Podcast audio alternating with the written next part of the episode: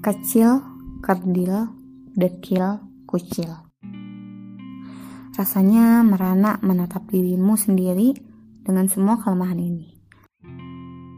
Seandainya dulu tidak dilarikan ke rumah sakit lantaran kena DBD, seandainya ibu lebih memberi susu untuk pertumbuhan, seandainya kamu bisa berenang, seandainya bisa melompat tinggi, Seandainya punya sekolah yang sama dengan kakak-kakakmu, seandainya hormon pertumbuhan bisa dibeli, seandainya harga berobat tidak mahal, seandainya adikmu tidak merangsak meninggi, seandainya orang-orang lebih sayang, seandainya semua keinginanmu terkabul, seandainya dunia ini tidak memandang segala sesuatu lewat fisik.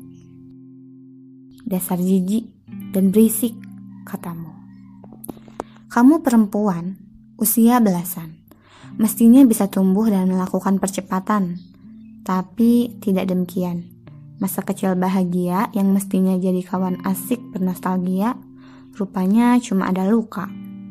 Mereka tidak memusuhimu secara terang-terangan, tapi menjauhimu belakangan.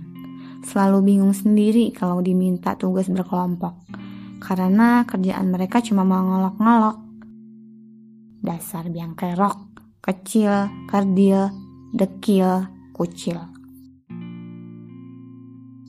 Teman perempuan seperti benci melihat temannya tidak sama tinggi, asik main sendiri, berkejaran, dan melakukan permainan-permainan, bersuah tanpa kamu di dalamnya. Mestinya mereka bilang saja bila tak bersedia menemani. Toh, tak bilang pun sudah membentengi diri. Kamu sudah tahu sendiri. Bersuka cita dengan obrolan yang kamu tidak tahu apa.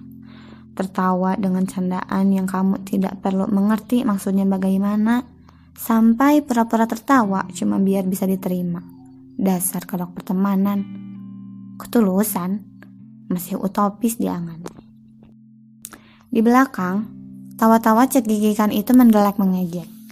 Apakah cuma orang sempurna yang layak hidup di dunia?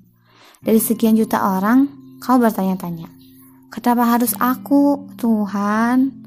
Benci sekali dengan fakta bahwa tubuhmu tak berkembang sempurna.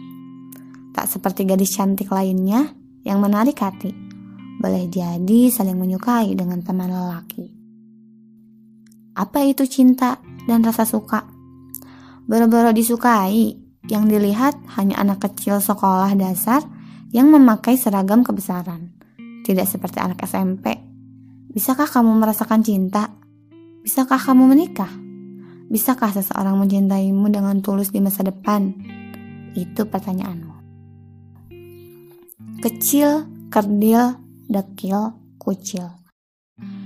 Betapa kata-kata itu sering kali membuatmu jatuh terperosok, mengancam balas dendam kesumat, membalas para keparat. Teman-teman munafik sok peduli yang bisa sebisa itu memasang wajah perhatian di depan, lalu bermuka dua di belakang. Menertawakan keanehanmu dengan gelagat bercanda. Pura-pura tidak melihat, padahal kamu ada di depan mereka. Memintamu untuk selalu duduk di depan, berbaris paling belakang. Sengaja tidak memberikan perhatian saat kau mengacungkan tangan. Atau seenak hati berkata dengan enteng.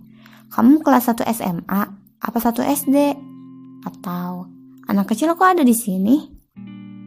Dasar, si bodoh yang kerjaannya cuma mencemooh. Segampang itu melemparkan batu ke lautan tanpa tahu seberapa dalam batu itu tenggelam. Kau memakai langit, mencemooh nasib hidup merana, membayangkan masa depan yang entah seperti apa. Bertanya-tanya, mengumpat, mencela, menghina takdir, menyalahkan. Aku bukan dia yang bisa menjawab pertanyaanmu sepenuhnya. Tapi di sini aku cuma mau bilang bahwa kamu nggak sendirian. Aku cuma mau bilang kalau kejadian istimewa hanya terjadi pada orang-orang istimewa. Dan kamu adalah salah satu dari sekian juta makhluk bumi yang diberi kapasitas dan kekuatan untuk menghadang cobaan itu yang belum tentu kuat bila menimpa orang lain. Kau mungkin terlalu fokus memaki, hingga selebar apa pun pintu-pintu terbuka, rasanya tertutup semua. Orang-orang yang membenci dan melakukan perundungan, mereka sebenarnya peduli. Terlalu peduli sampai merendahkan martabat sendiri. Mestinya buku yang baik tidak dilihat dari sampulnya. Mestinya begitu. Tapi kau tahu, ia tak akan sematkan kesedihan jika tak ada bahagia setelahnya. Ia tak akan beri kau hujan tanpa pelangi menyusulnya. Ia tak akan meninggalkanmu selamanya.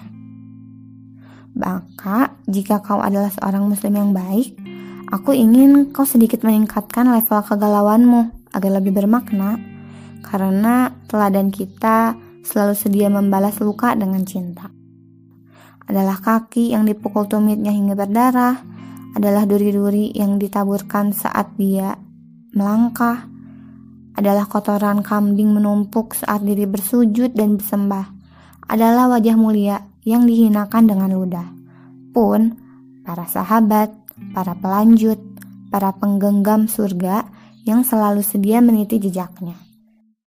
Tidak risau dengan urusan besar yang mendadak jadi sederhana. Empat bentuk ujian dari ejekan, pemboikotan, penyiksaan, hingga akidah jadi taruhan. Mungkin seperti perkataan wanita penghuni surga, Fatimah Az-Zahra yang bilang, Aku tak peduli jika seluruh bumi membenci, asalkan Allah dan Rasul mencintai. Begitulah, semoga tidak lagi merutuki diri sendiri ya.